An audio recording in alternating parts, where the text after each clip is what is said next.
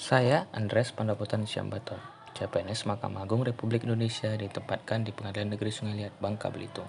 Selain akuntabilitas dan nasionalisme, para PNS sejatinya juga diharapkan dapat menerapkan nilai etika publik, komitmen mutu, dan anti korupsi.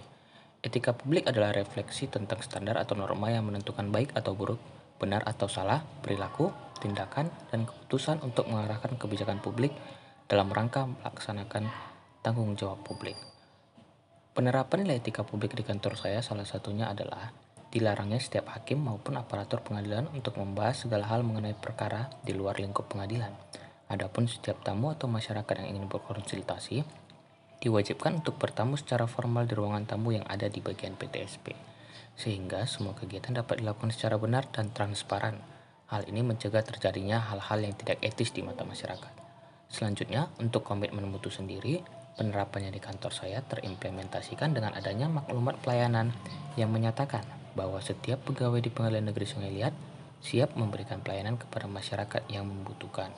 Selain itu, setiap tindakan pelayanan juga sudah diatur dengan jelas dan baik dalam SOP maupun dan dalam bentuk SK Ketua Pengadilan Negeri, sehingga masyarakat dapat memahami dengan jelas mengenai pelayanan yang akan diterimanya.